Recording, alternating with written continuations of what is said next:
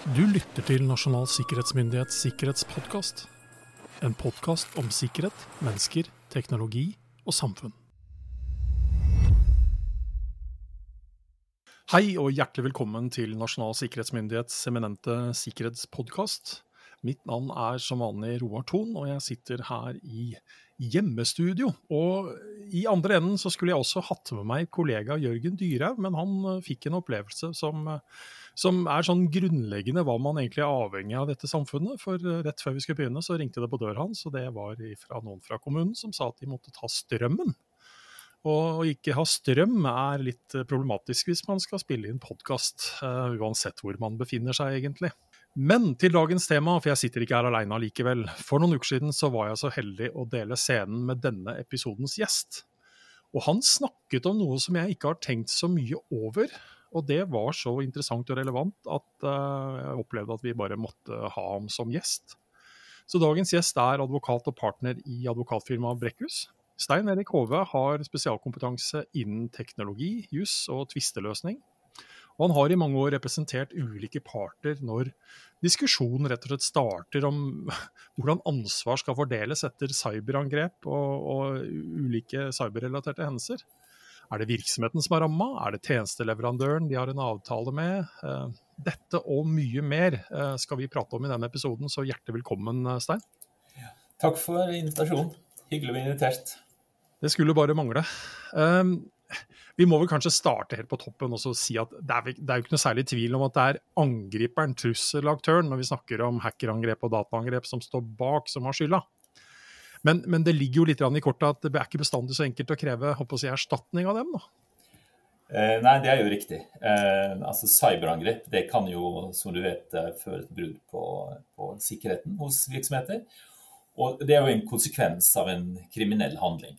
Eh, og disse handlingene de påfører jo da bedriftene skade, men altså spørsmålet er det realistisk å kreve erstatning. Og det er det jo svært sjelden. fordi Gjerningspersonen blir, eller personen blir sjelden funnet og tatt. Og, og, selv om politiet skulle finne ut uh, hvem dette er, altså kan det tenkes altså sivile søksmål, som vi da snakker om her, mot uh, folk som er i stater utenfor EØS og EU. og sant, Det er jo uh, i seg selv ganske så vanskelig. Og ikke minst så hvis man da skulle ha en norsk erstatningsdom f.eks., altså gå til et sånt land og kreve den tvangsfullbyrdet, det er jo ikke ja, det er jo ikke så lett. Og, og, selv innenfor EØS og EU så er det jo med kjent gjerningsmann, for det første, så, så, vil jo det være mulig, selvfølgelig. Men det er alltid da realismen i å få oppgjør. Man må jo vurdere det man setter i gang som prosesser. Hva blir utfallet? Og privatpersoner, de, hvis man vet, kan jo være heftet for sin formue, men, eh, men, det er veldig få eksempler. Eh,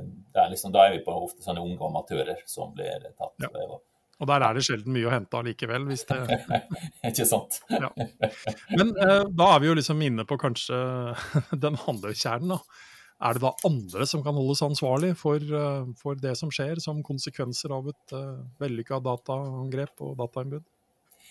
Ja, altså det, det, som da er interessant, er jo om man f.eks. kan holde en virksomhets-IT-leverandør ansvarlig. Um, og det vil jo kunne være tilfellet hvis årsaken til et vellykket cyberangrep. Hvis det medfører et sikkerhetsbrudd, og det skyldes ja, svakheter som leverandøren har ansvaret for, og ikke da interne svakheter i virksomheten selv, så kan det tenkes. Eh, og Det er også andre kandidater for ansvar. Eh, eh, det kan være f.eks. uaktsomme rådgivere som har villedet og gjort grove faglige feil.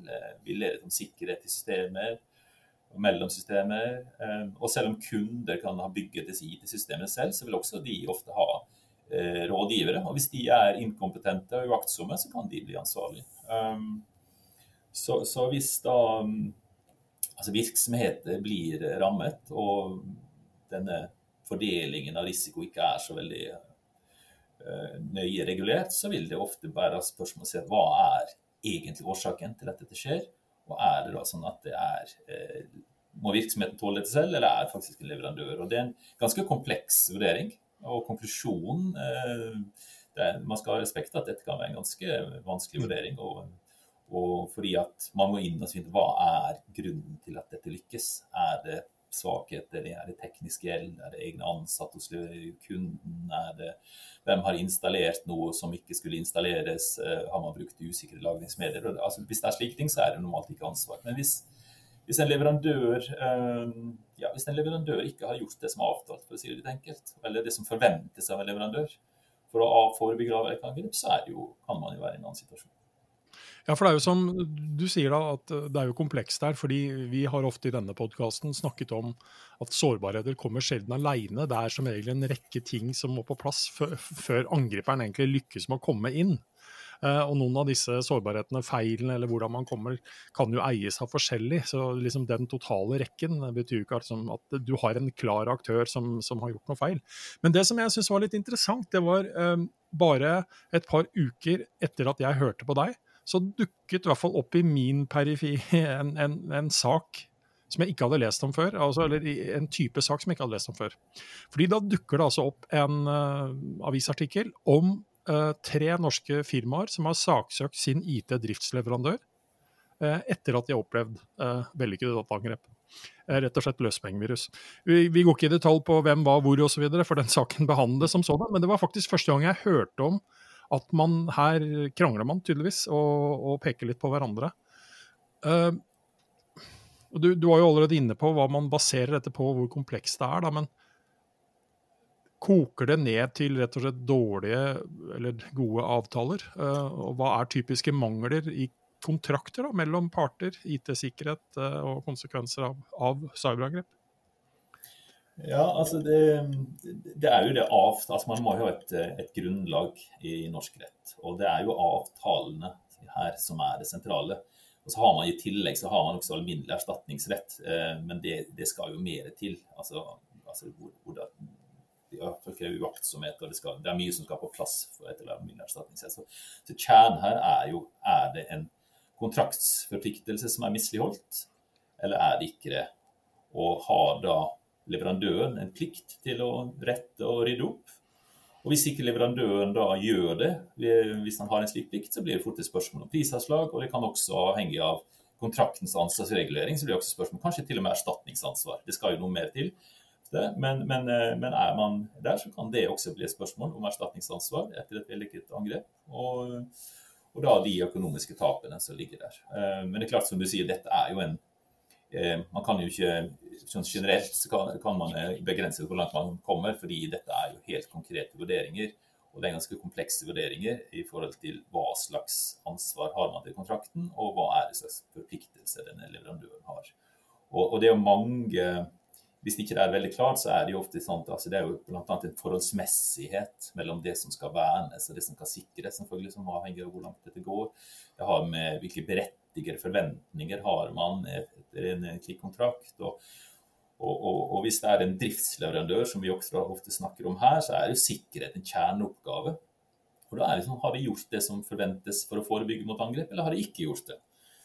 Og så er det jo også sånn i jussen at det er en forskjell på at noe er feil og at noe er en mangel. Altså Mangel det er jo knyttet opp mot det som er avtalt. Mens noe kan være feil, men det er jo ikke en mangel likevel hvis det ikke er strid med det som er avtalt. Så, så dette må jo vurderes, også, og selvfølgelig på hvilke livsområder man er på. Er det noe som er sensitivt, og som da leverandøren selvfølgelig må skjønne er viktig at sikkerheten er høy, f.eks.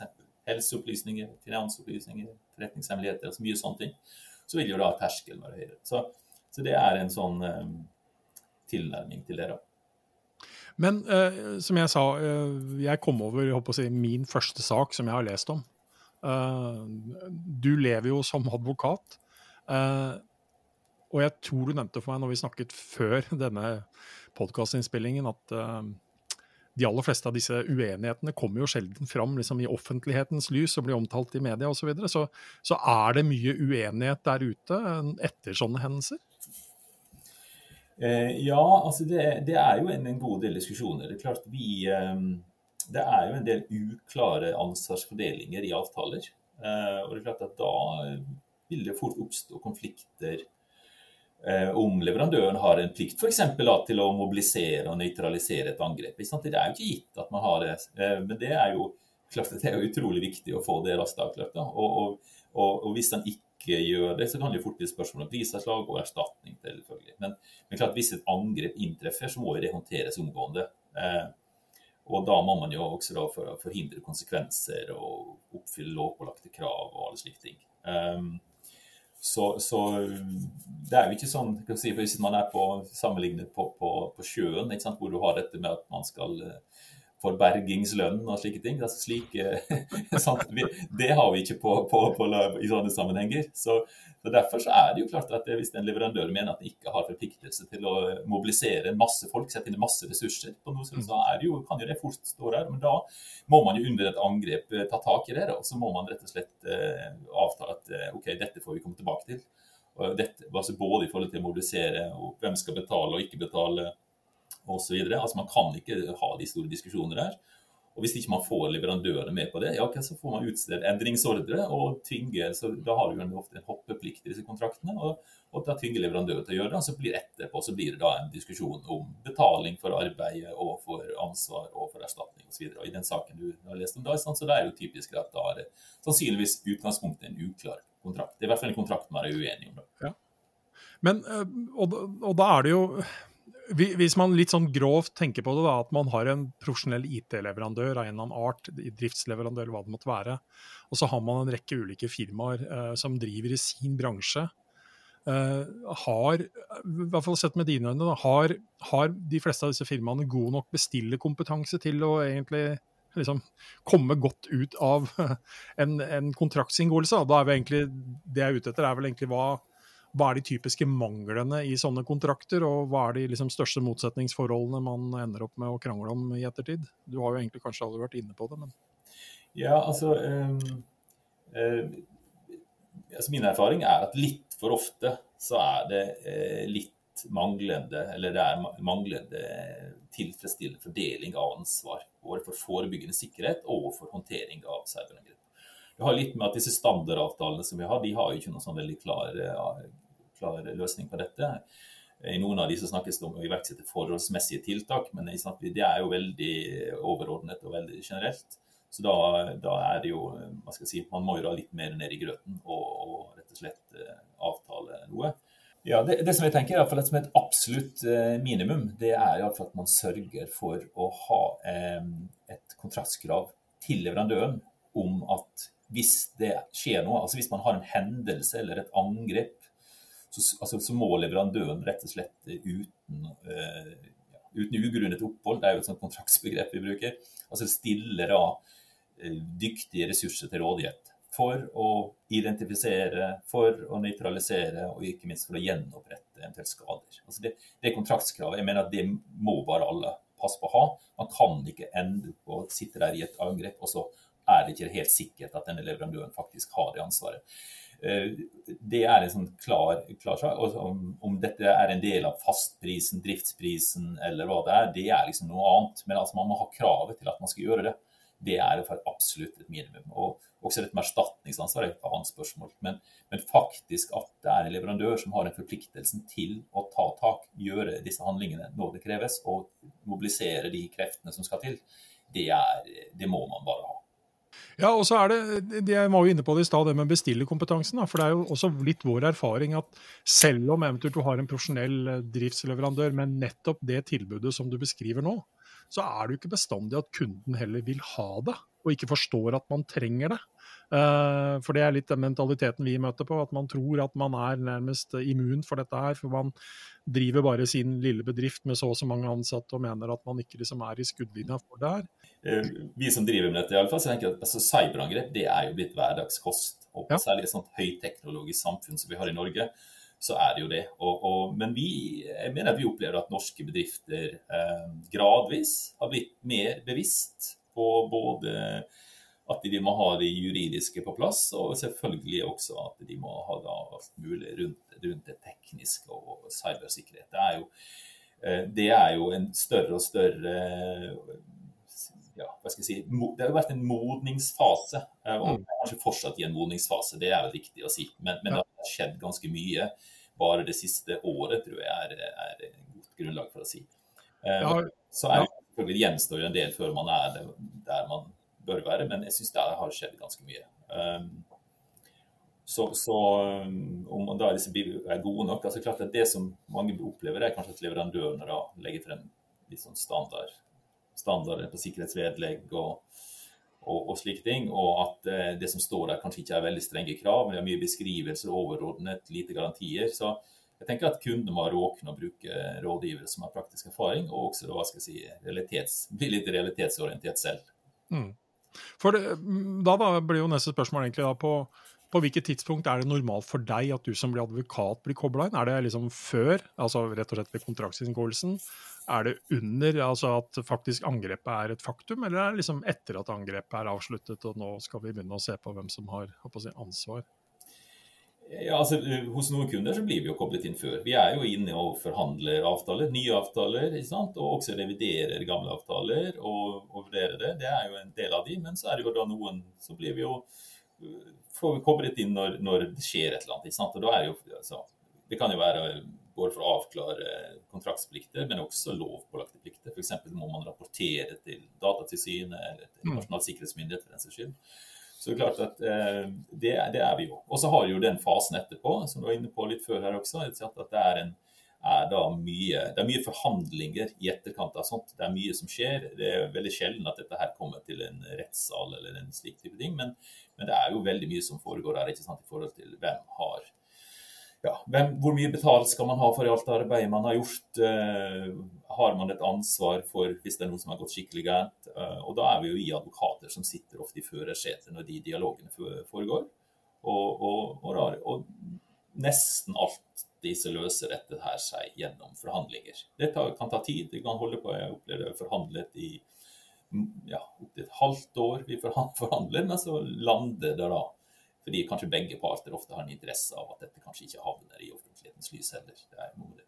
Ja, og så, så, tenker jeg Det er jo nettopp sånne ting som Og jeg har full forståelse for hvorfor det er sånn, uh, men det er sånne ting som det her som gjør at jeg alltid sitter med en litt sånn vond følelse og smak i munnen når man, man liksom snakker om kostnadene ved altså at en angriper greide å komme seg unna med så og så mye, eller hva det måtte være. Men det er så mange andre kostnader knytta til cyberrelaterte hendelser når de skjer. Altså, som handler om, eh, ikke sant, altså, gjennom nettopp de prosessene du beskriver. Uh, det handler om uh, omdømmer uh, og en rekke andre ting. Så liksom, totalkostnadene for det vi blir utsatt for digitalt, de er kanskje enda større enn de tallene man noen gang presenterer. da. Eh, fordi det handler veldig ofte om hva eventuelt kjeltringene tjener på dette her, men det har jo andre, andre betydelige kostnader totalt sett for samfunnet og for, for virksomheter. Men hva, slags avsluttende råd vil du komme med til de som liksom lytter på, altså, lytter på oss nå, og hva kan man egentlig forbedre her? Altså, både egentlig sett med kanskje begge parter av bordet, da, eh, når du ser på det? Ja, altså Når det gjelder kontraktene, så tenker jeg at det første rådet må jo være rett og slett å ta en gjennomgang av disse kontraktene. Få reforhandlet denne, se på ansvar og de sentrale sikkerhetselementene. og det er f.eks. Um, altså denne handleplikten som jeg nevnte, det er jo litt sånn helt minimumskrav. Det som jeg var inne på i sted, at man må ha noen som tar tak hvis det skjer noe. Men det bør også gå inn og se på f.eks. risikovurderinger av løsninger og underleverandører. Det er viktig at man har det krav til at det gjøres. Eksplisitte krav til forebyggende sikkerhetsarbeid, at dokumentasjon, at man har mulighet til å gå inn og ha revisjon hvis noe skjer. Eh, ikke minst må det gå en alarm, altså SLA-krav eh, til slik at det, med respons, at alarmen går. Og ikke minst at, at, leverandøren har en krise- og beredskapsplan. Det er jo sånn. Og så tenker jeg også at, at man bør prøve å kjøre praktiske øvelser. Det er jo ikke juss akkurat, men det er noe med å øke bevissthetsnivået. Man må rett og slett utfordre virksomheten, kjøre praktiske øvelser. Øve på angrep, øve på at eh, beredskapsplanen fungerer. Og, og, det er jo ja, alle bør jo ha det. Og, og, så har jo i det minste så bør man jo ha denne nødplakaten som er litt i. litt i Nødplakaten fra Næringslivets sikkerhetsråd. Den bør jo ja, ja. Ligge, ligge, klar. og Der ligger, står det jo ikke sant, hva man, som er viktig å gjøre akkurat i den hektiske perioden. og, og nummeret, så og Fylle inn også sine egne konkrete ting der. Det er jo et sånt minimum. Eh, å ha den foran seg. Og da har man, eh, Hvis man gjør de tingene der, så er man jo egentlig ganske godt rustet. Mm. Og jeg tenker sånn så Vi, vi har formidla nok så mange ganger. Eh, det er fire ting man bør fokusere på. Det er jo selvsagt å forhindre at noe skjer, men det greier man sjelden å komme helt i mål med, så noe vil skje. Eh, og da handler det om å være i stand til å detektere at det skjer, og det handler om å være i stand til å håndtere at det skjer, og det handler også helt til slutt å komme tilbake, altså rett og slett normalisere, komme tilbake i drift, at ting er som å si, før angrepet fant sted. Og noe av det viktigste oppi dette her, som vi sier, da, det er jo kort og godt at man som, som virksomhet må vite hva skal man være i stand til å gjøre selv, og hvem andre skal hjelpe deg i alle disse fire fasene. Og, og det er det ganske greit å ha en klar formening om før disse tingene begynner å, begynner å, skje, for å si det sånn. Både kostnadsmessig og ikke minst også da juridisk, og hvem, hvem stiller opp her, som, som Stein er inne på. Eh, og så må det kanskje sies at når man står midt oppi dette med begge beina, så er det kanskje ikke så veldig vesentlig å diskutere veldig mye som har det juridiske ansvaret. Da handler det om å håndtere situasjonen. Jeg vet ikke om det er din erfaring også, eh, Stein? men... Jo, altså da, da, er det jo akkurat det som er poenget. Da må man fryse liksom alle de diskusjonene. Da må man bare, de, de legger man bort. De diskusjonene er borte. Og, og som jeg sa, hvis man ikke De fleste fornuftige kunder og leverandører klarer å bli enige om det. og Hvis man ikke det, så har man jo noen grep i kontraktene. For er, da, da, må det rett og slett bare legges til side. Alt av sånne type juridiske og kommersielle diskusjoner. Da er full fokus på å, å, redde det som reddes kan, og komme tilbake til drift som du sier, så fort som mulig. For det er jo snakk om store kostnader hvis man ikke ja. faktisk håndterer dette. Så eh, det er vel egentlig bare å si. Jeg tror vel ingen av oss blir arbeidsledige, dessverre. På, I hvert fall på dette området.